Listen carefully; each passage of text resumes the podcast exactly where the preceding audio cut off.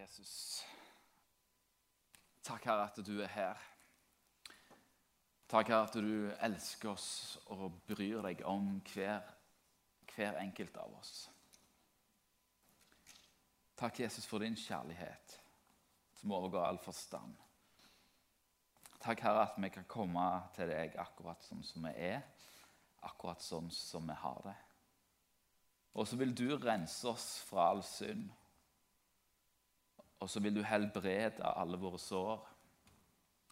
Og så vil du lyse for oss i mørket. Og så vil du gi oss håp, framtid, glede og fred. Amen. Sterkt å høre om eh, Merete, som på en måte det eksemplifiserer det som Jesus gjør, og det som Jesus vil.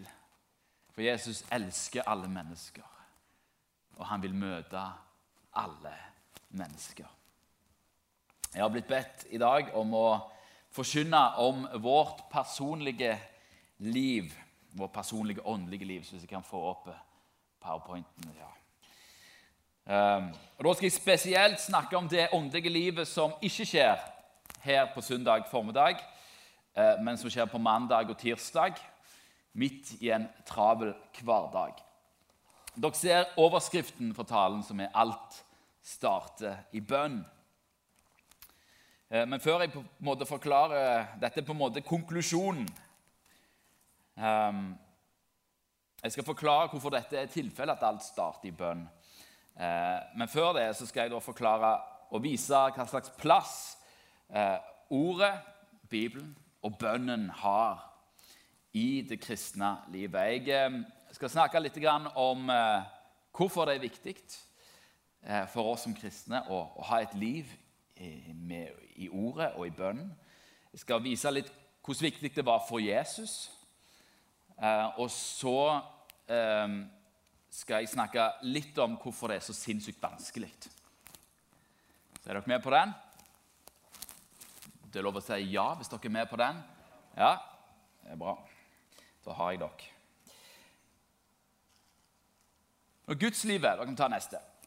Gudslivet begynner med hva Kristus har gjort for oss. Det er det vi har feira her i dag i nattverden. Det er dette som er fundamentet for vår tro. Evangeliet. Jesus, han har, Gud har blitt menneske. Han har dødd på et kors, og han har stått opp igjen. Det er noe som Jesus har gjort for oss. Og Det er viktig å ha det på plass. Det begynner ikke med vårt bønneliv eller med vår tro. Det begynner med hva han har gjort. Gud er initiativtakeren. Det er evangeliet.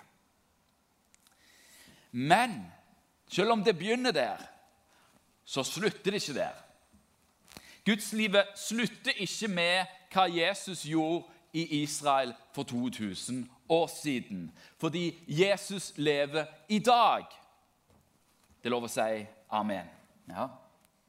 Og ved Den hellige ånd så fortsetter Kristus å gjøre et verk i oss. Så Jesus har gjort et verk for oss for 2000 år siden. Det er ferdig. Kanskje legge noe til det. Men fordi Jesus har stått opp igjen fra de døde, så fortsetter han å gjøre et verk i oss. Fordi Jesus lever. Ja, ja, ja halleluja. Har, det er ikke en teori. Det er et liv. Og dette livet er det vi skal snakke om i dag. Det er, det som, det er dette verket som Jesus gjør i oss. Ja, hva mener jeg med det, da?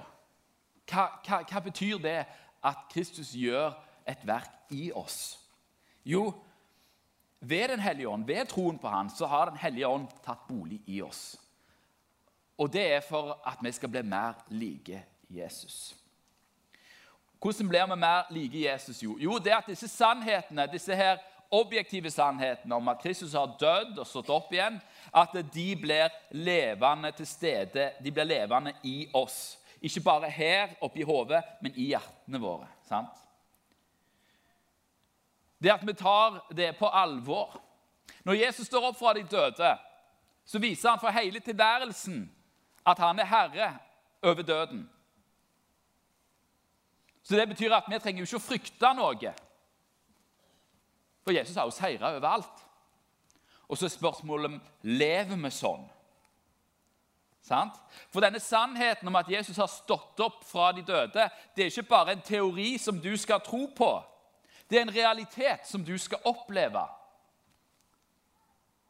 Det, du vet, det er helt greit å dø når du tror på Jesus. For du vet at han har stått opp fra de døde. Og den som setter sin lit til han, skal aldri i evighet dø, men ha evig liv. Så da trenger vi ikke frykte døden, trenger vi vel?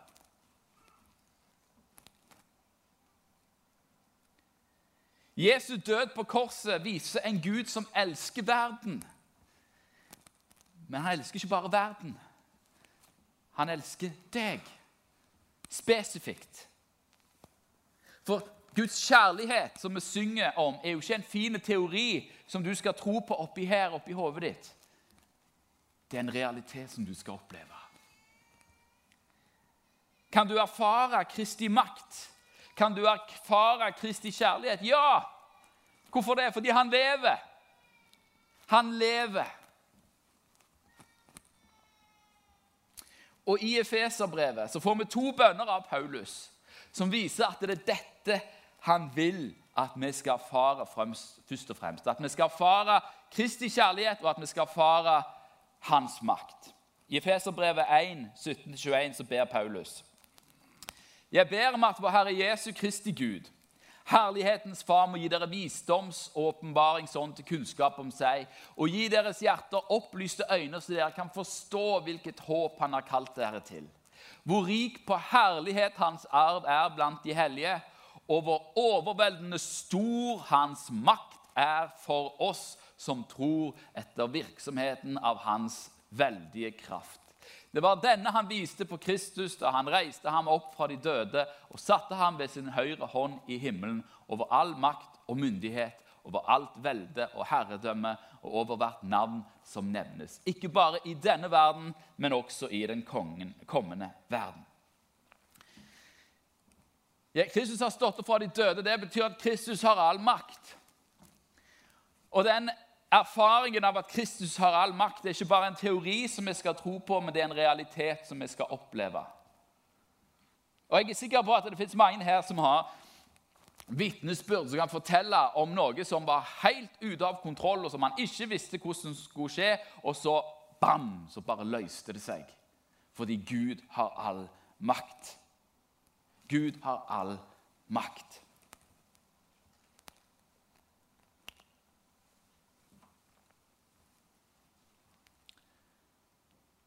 Den andre bønnen er dette. I Feserbrevet 3, 16-19. Jeg ber om at Han etter sin herlighetsrikdom ved sin ånd må gi dere å styrkes med kraft i det indre mennesket. At Kristus må bo ved troen i deres hjerter for at dere rotfestet og grunnfestet i kjærlighet, sammen med alle de hellige kan være i stand til å fatte hva bredde og lengde, høyde og dybde her er, og at dere må kjenne Kristi kjærlighet, som overgår all kunnskap så dere kan bli fylt til hele Guds fylde. Guds makt, hans kraft her inne og hans kjærlighet. Det er det som Gud ønsker. Det er det verket som Gud ønsker å gjøre i deg. At du skal stole fullt og fremt, fullt og helt på hans makt, på hva han evner å gjøre. Ikke på din makt eller på dine talenter, men på hans makt og på hans kjærlighet. At du skal stole på hans kjærlighet. Hvordan ser det ut når du stoler helt på hans kjærlighet? Ja, Da, da er du ikke misunnelig på naboen din. Da er du ikke misunnelig på eh, de som har mer enn deg, fordi at du har Kristi kjærlighet. Og den er større enn alt. Det er dette jeg skal fokusere på i dag, dette verket som Kristus gjør i oss og hvordan vi kommer inn i det.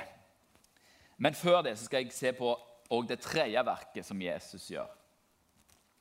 Eh, for det verket som Kristus gjør i oss, er heller ikke endemålet for hans verk. Men han ønsker òg å gjøre et verk gjennom oss, som er vår tjeneste i denne verden, gjennom vårt arbeid, våre relasjoner, våre midler. Og Det er ikke fordi han trenger oss, men fordi han vil at vi skal ha del i det han gjør på jorda, i hans seier på jorda. Derfor har Gud alltid utvalgt mennesker til å gjøre ting. Ikke fordi han trenger mennesker til å gjøre ting, men han gjør det for at han vil at vi skal oppleve det. Han vil at, han vil at vi skal ta del i det. Det som ofte skjer, er da at vi hopper over den delen i midten der. Ja, Jesus har gjort et verk for oss, og så skal vi inn i en tjeneste fordi vi skal gjøre et verk for Jesus, eller vi ønsker at Jesus skal gjøre et verk gjennom oss, og så glemmer vi det der rent verket i oss.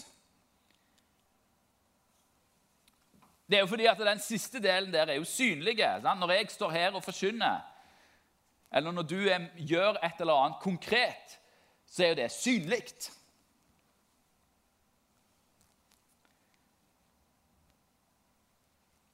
Og, da, og, så har jo vi mennesker sånn iboende behov for å bevise for oss sjøl og de rundt oss at vår eksistens har en mening, at det er en hensikt bak det vi gjør. Så Derfor er vi veldig opptatt med å få gjort ting. Men faren med å arbeide og tjene Kristus uten å ta seg tid til det der i midten, det er at vi blir utbrent eller går lei. For hvis du ikke er fulgt opp av tillit til Guds kjærlighet og hans makt, så vil du jobbe for å bevise at du fortjener Guds kjærlighet. Eller du vil ta på deg ansvar som ikke er ditt, men som er Guds sitt, fordi du ikke stoler på hans makt. Da kommer bekymringen inn. Eh, jeg hadde et helt tiår der jeg spurte Gud Herre, hva vil du jeg skal gjøre for deg? Hva vil du jeg skal gjøre for deg? Hva vil du jeg skal gjøre for deg? Jeg ble opptatt av den nummer tre der. Sant? Hva er det verket du vil gjøre gjennom meg, Jesus? Og Det eneste svaret jeg fikk, var jeg vil at du skal være med meg. Var det fordi Jesus ikke har tenkt å gjøre et verk gjennom meg? Nei, nei. Men jeg måtte ta meg tid til det i midten først. Sånn at jeg ikke tjente og arbeide på feil grunnlag. Jeg hørte nettopp et, eh, et inter, leste nettopp et intervju med Rick Warren, som er leder i svære megakirke med flere titalls tusen i USA.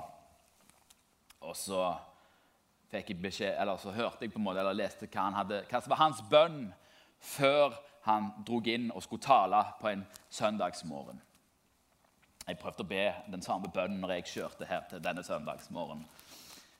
Og Da sa han hvis, jeg, hvis du tar fra meg pastorjobben eller tar fra meg scenen i morgen, så er det greit.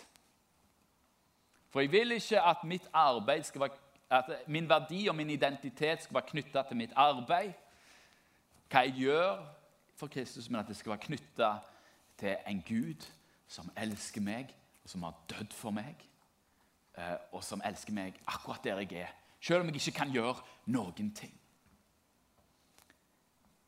Det er det verket Kristus gjør i oss. Så er da spørsmålet hvordan gjør Kristus sitt verk i oss? Hvordan får vi del i den kjærlighet? Hvordan blir den kjærligheten ikke bare en teori, men en realitet? Hvordan erfarer vi hans kraft, ikke bare som gode historier vi har hørt om, men som en realitet i våre egne liv? Ja, En av måtene er jo her. Dere er her. Her kan det skje. Ja, her opplever vi det. Men det kan ikke bare skje her. Du vet, Dette er offentlig. Her ser alle det du gjør. Alle ser at du er her. Ja.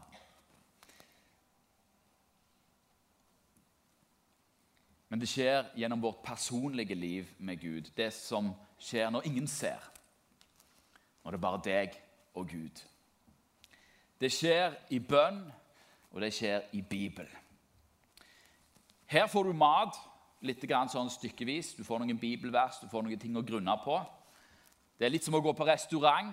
Får du ferdig tilberedt, av en kokk. Og, mens når du er hjemme, så må du tilberede sjøl.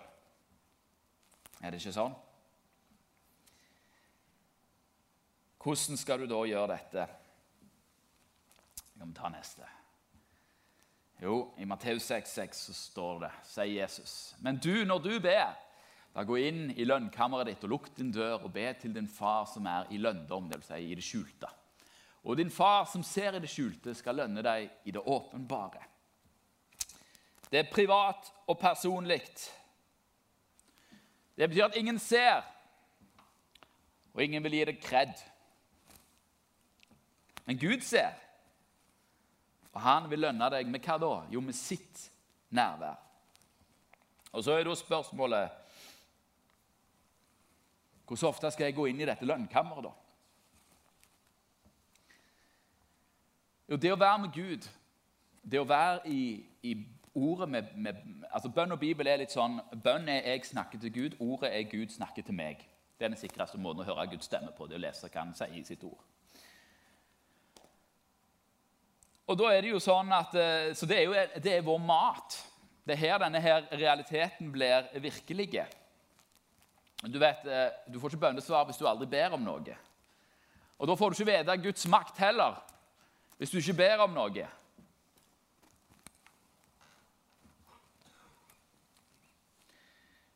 Så er spørsmålet hvor ofte spiser du da vanlig mat? Er det noen her som spiser hver dag? Jeg jeg er i hvert fall der. Ja. Mer enn en, en gang til dagen òg. Jeg, jeg, jeg, la merke til dette i forberedelsen til denne talen. og Jeg har aldri tenkt på det på den måten før. Men, men uh, midt i Fader vår så sier Jesus dette. Uh, gi oss i dag vårt daglige brød. Altså, Vi skal be om mat for i dag. Ja, jeg spiser jo hver dag. Så hvor ofte legger Jesus egentlig opp til at vi skal be? da? For Det står ikke 'gi oss mat for denne uka'. Det står 'gi oss mat for i dag'. Så Jesus legger opp til at denne bønnen skal du be hver dag. Han legger opp til et daglig bønneliv. Gi oss i dag vårt daglige brød. Jeg trenger jo å spise hver dag. Jeg trenger også å be hver dag. Og så er det sånn I bønn så er det jo da altså det er jo når vi ber og ber om ting, det er jo da Gud svarer. Det kan godt være at Gud svarer på, på bønn og gir oss det vi trenger før vi har bedt òg. Problemet er at da, opp, da, har vi egentlig ikke oppdaga at det er Gud som er på ferde. Jeg tror mange av oss har opplevd mirakler som vi ikke var klar over var mirakler. Men Gud er ikke en kjip Gud som holder bønnesvarene sine tilbake. Matteus 7,11 så står det at når da dere som er onde eh, Her sier jo Jesus at vi er onde. Eh, det er en helt annen tale, egentlig. Men vet å gi deres barn gode gaver. Hvor mye mer skal da deres far i himmelen gi gode gaver til dem som ber ham? Gud svarer bønn. Gud er opptatt av å gi oss gode gaver. I Daniel 6,11 så, så ser vi litt om Daniel sitt bønneliv. Og Daniel er jo en busy type. Han, jo, eh, han sitter jo i regjeringen, kan man si, i Babel. Uh, og um, Der får han beskjed om noen ting, og så blir det åpenbart en ting om Daniel sitt bønneliv. Så snart Daniel fikk vite at skrivet var sendt ut, gikk han inn i sitt hus. Der hadde han i sin sal åpne vinduer som vendte mot Jerusalem. Og tre ganger om dagen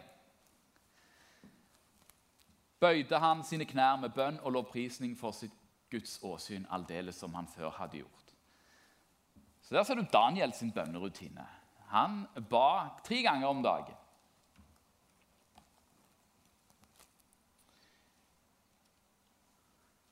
Hva med Jesus, da? Brukte Jesus tid bønn? Jesus er jo Gud. Men likevel, men Jesus er òg menneske. Og i sitt liv så ser vi hvordan Jesus ber. Markus 1, 35. Tidlig om morgenen mens det ennå var ganske mørkt, sto han opp og gikk ut. Han dro bort til et øde sted og ba der. Så her, Det er mye øde steder rundt på Jørpeland og i Strand. Så her altså, jeg, prøvde dette her når jeg bodde i Oslo. Helt umulig, for det er folk overalt hvor du går hen. Langt inn i Nordmarka måtte jeg gå for å finne et øde sted. Det var ja, litt sånn strabasiøst. Så Der er det mye lettere å gå inn i sitt lønnkammer og lukke døra. Så jeg tror det er designa for eh, byer. Men vi som bor her, der det er fjell og tur og sånne ting, vi kan gå til øde steder. Trenger ikke gå så langt før det er øde. Lukas 4, 42. Da det var blitt dag, gikk han ut og dro bort til et øde sted. Folk lette etter ham, og de kom til ham og holdt på ham for at han ikke skulle gå fra dem. Og Det som er interessant her, er at eh, Jesus har nettopp eh, vært i tjeneste. Han har nettopp gjort et stort verk. Eh, og så går han vekk fra byen.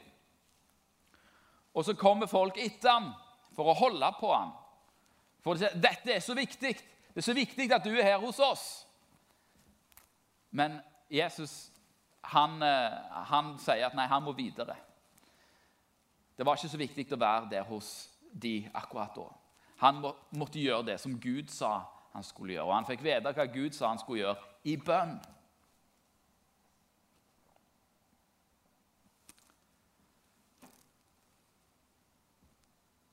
Lukas 5, 16 så står det også, Men han dro seg tilbake til øde steder og var der i bønn. Han var ikke opptatt av folk, av tjenesten. Det var ikke der han hadde sin identitet. Jo, han gjør mange ting, men stadig så trekker han seg tilbake for å være i bønn. Lukas 6, 12 står det at i disse dagene skjedde det at han gikk opp i fjellet for å be. Og han ble der hele natten i bønn til Gud. Bønn er viktig, en viktig del i Jesus sitt liv. Nå, I en passasje i Matteus, eh, som går fra Matteus 14, eh, så, så eh, møter vi Jesus eh, i en eh, spesiell situasjon. Eh, I Matteus 14 så står det at døperen Johannes eh, hadde nettopp blitt henrettet, hadde nettopp blitt halshogd. Um, og Da står det i Matteus 14, 13 at da Jesus hørte dette, at Johannes var blitt halshogd, så dro han bort derfra i en båt til et øde sted hvor han kunne være for seg selv. Men folk fikk vite det, og de fulgte etter ham til fots fra byene. Nå, altså, her har du Jesus Johannes er en slektning av han. Eh, Johannes var den som døpte Jesus. Det er en venn av Jesus. Det er en han har et nært forhold til. Og Nå har han nettopp blitt drept. Og Jesus' sin reaksjon på det, at en nær slektning av han har blitt drept, den er en veldig menneskelig og naturlig reaksjon. Han sier til disiplene, eller han, han tar en tur og sier 'Jeg må vekk'. Jeg må være for meg sjøl. Jeg må prosessere dette. Jeg må, jeg må ta dette inn over meg. For Jesus var jo ikke dette bare sorg over en som var gått bort. Men det var òg et varsel om hva som kom til å vente han. Jesus visste jo hva som kom til å vente han. Han visste at det, det kom en død på korset. Men akkurat her, i denne situasjonen, så blir det levende for han, tror jeg. De tok livet av Johannes. Så han går i båten med sine disipler, tar over til et øde sted der de kan være alene. Men så får folk vite det. Og så følger de etter han til fots fra byene. Og så samler det seg 15 000 mennesker. Jesus hadde ikke tid til sorgen. Og så tar Jesus og så ofrer han tida si, og så tjener han disse her med å mette 5000 menn foruten kvinner og barn. Han gjør brødunderet i dette. Og hva gjør han etter det? Etter dette brødunderet? Jo, da sender han folket fra seg i Matteus 14, 23.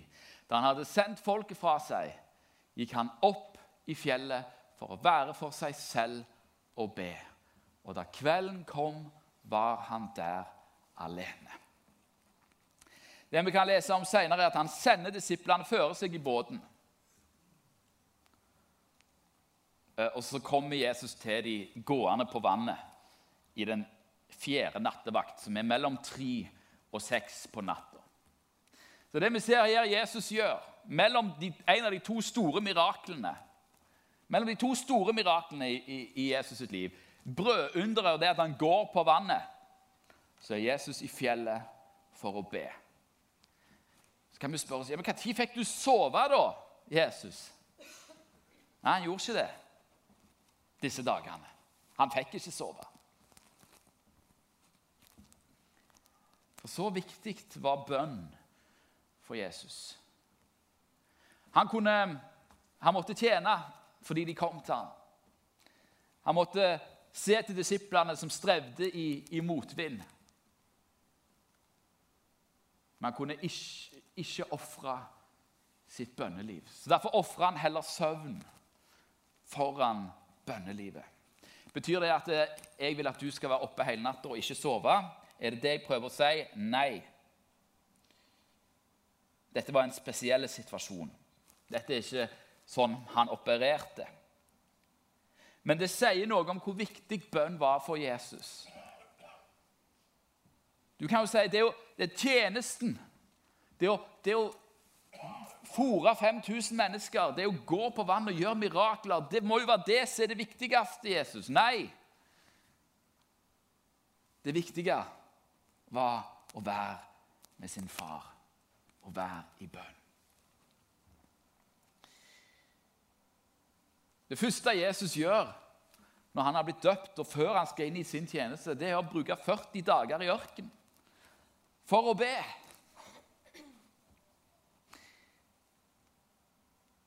Jesus hadde en tjeneste som varte sikkert tre år. Han var rundt 30 når han begynte sin tjeneste. Så Det betyr at rundt 9 av Jesus sitt liv var i aktiv tjeneste. Hva tror du resten av dette livet bestod i? Jeg har prøvd å illustrere det med et bilde her. Dette er et isfjell som er overvann og undervann. Når det er overvann, det er det du kan se. Og det kan jo være stort nok i seg sjøl, men det er bare 10% av hva dette isfjellet egentlig består i.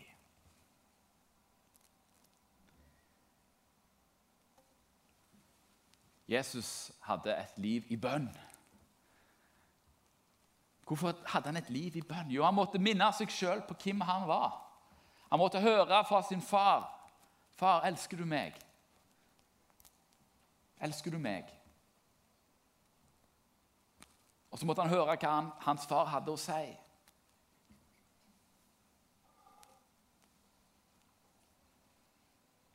Jeg har en norsk misjonær jeg kjenner, som er misjonær i et land vi ikke skal si navnet på. Nå I timen der, så En gang i måneden så har de et bønnemøte som varer seks timer. Har et seks timers langt bønnemøte. Hvorfor gjør de det? Jo, fordi de trenger det. Fordi der de er, så er det bare de. Det er ingen som kan fortelle dem noen gode, oppmuntrende ord. Det er ingen som kan fortelle dem hvor mye de elsker og vært.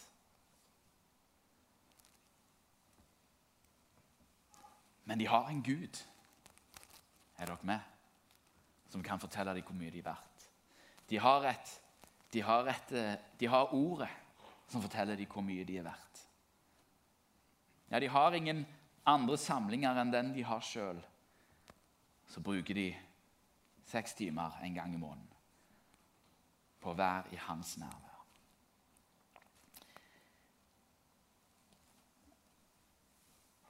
Hvor er det jeg vil med denne talen? Vil jeg at dere skal bruke mer tid i bønn? Ja, det vil jeg.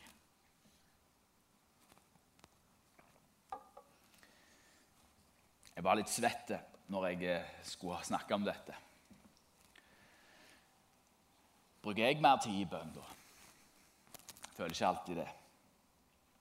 Noen av dere blir kanskje svette av å høre det. Ja, ja, Thomas, dette var et godt budskap. Som om jeg ikke har nok å gjøre fra før av. Så kommer du her og sier at jeg må bruke mer tid i bønn. Jeg har en jobb som tar livet av meg. Jeg har tre barn. En mor og en far som trenger stadig mer hjelp. Jeg har en irriterende nabo. Jeg har eh, noen venner og venninner som alltid griner og trenger trøst. Det er jo ikke plass til meg lenger. Jeg kan knapt høre meg sjøl tenke. Kommer du her og sier at jeg må be mer? Det er ikke det jeg trenger. Jeg trenger å bruke mer tid på meg sjøl. Jeg må på ferie i Syden. Jeg trenger et spa-opphold. Kanskje det er noen av dere som har en sånn en hverdag. Hvis du er her og kjenner at ja, det er en sånn en hverdag jeg har, og du blir skikkelig irritert av å høre meg si at du må bruke mer tid i bønn, så høres det på meg ut som om du trenger hjelp. Trenger du hjelp? Da kan vi ta neste. Hebreerne 4, 16. La oss derfor med frimodighet tre fram for nådens trone, dvs. Si i bønn, for at vi kan få miskunn og finne nåde til hjelp i rette tid. kan det være at livet ditt blir lettere å bære hvis du slipper å bære det alene. Jeg har en pastorvenn som er pastor på Hamar. Han har fire barn, og de to yngste er tvillinger. Og de er sånn to-tre år gamle. Og det er jo en velsignelse, det å ha tvillinger men det kan bli litt hektisk på nattene.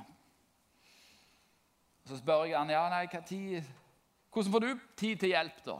Eller tid til, tid til, til bønn? Ja, jeg må stå opp tidligere, sier han. De står tidlig opp nok, disse ungene. Ja, men hva, hva bønn er det du ber, da? Dette har jeg hørt to pastorer si. Og den bønnen jeg ber mest, er hjelp. Jeg trenger hjelp. Trenger du hjelp? Du vet, Hvis du har dårlig samvittighet for at du ikke ber nok, har du da rett fokus? Det hjelper deg ikke å ha dårlig samvittighet for ikke å be nok. Gud vil ikke at du skal be sånn at han kan gi deg poeng i boka eller en fin medalje. Det er ikke sånn pris når, altså, man deler ut pris for de tingene man gjør. sant? Du får ikke pris for, å, for bønn. Du får ikke hyllest for de rundt deg, for de ser jo ikke ditt personlige bønneliv. gjør de vel. Men hva er det du får da, når du ber? Jo, du får hjelp. Du får hjelp. Det er derfor vi ber. Fordi vi trenger hjelp. Du trenger hjelp. Så er de gode nyhetene at det fins hjelp. Det fins en som kan hjelpe. Det finnes en Gud som elsker deg, og som ønsker å hjelpe deg.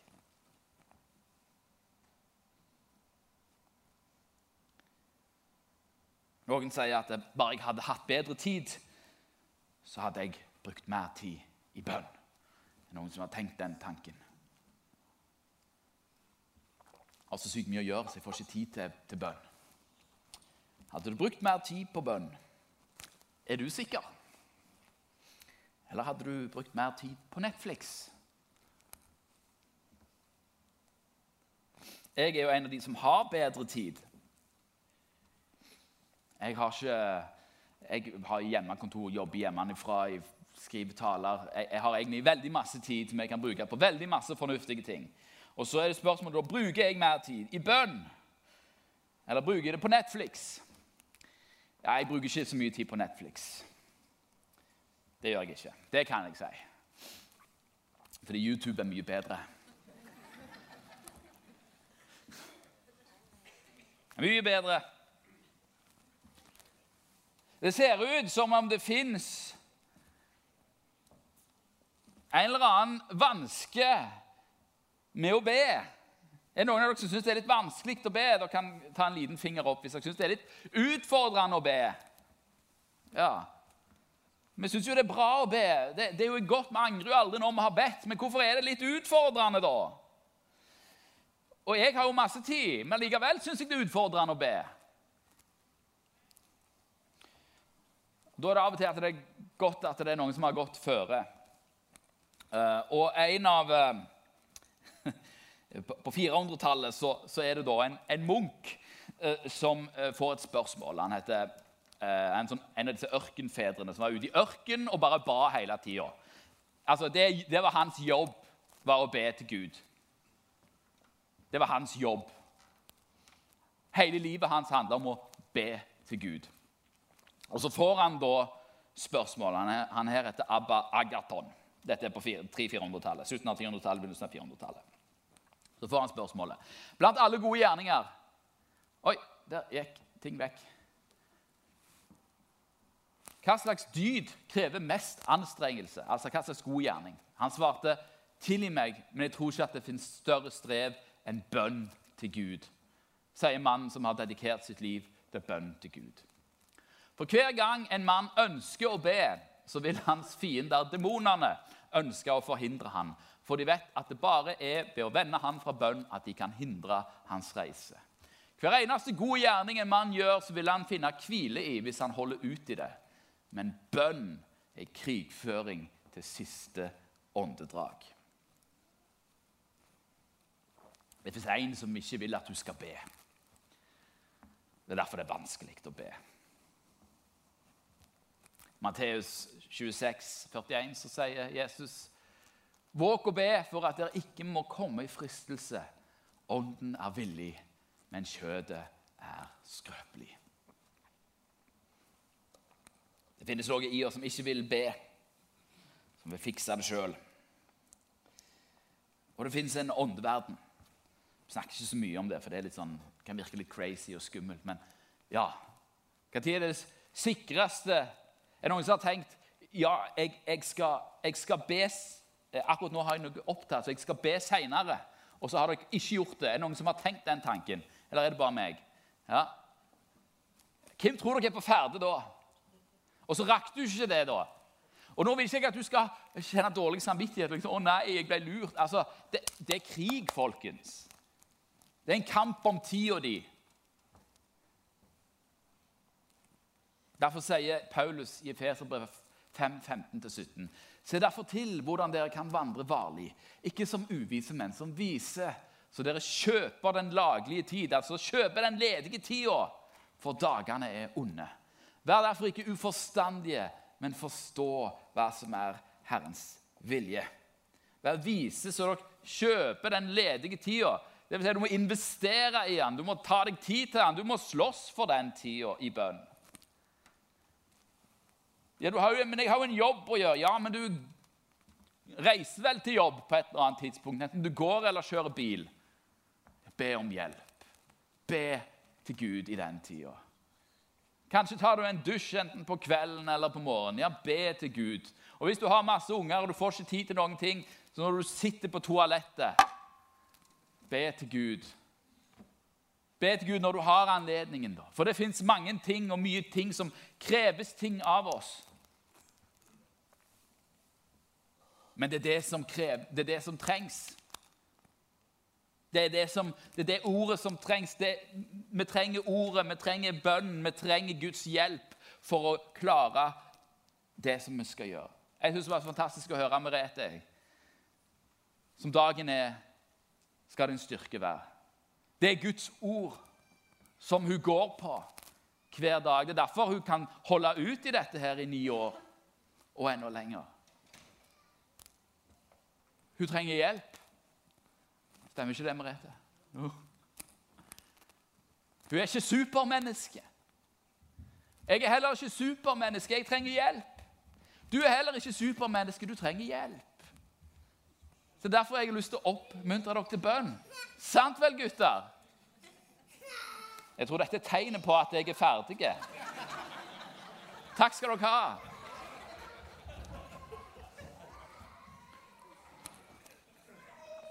Vi skal gå inn til avslutning. Jeg har lyst til å oppfordre dere til å be, selv om jeg vet at det er en kamp i bønn for, for bønnen deres. Og, og, alt vi kan gjøre for å hjelpe hverandre, er bra. Gode vaner. Eh, gjør ting på samme tidspunkt. Jeg, jeg, skal ikke si hvordan du skal be, om det skal være på morgenen eller kvelden eller midt på dagen eller begge deler. Eller alle tre delene.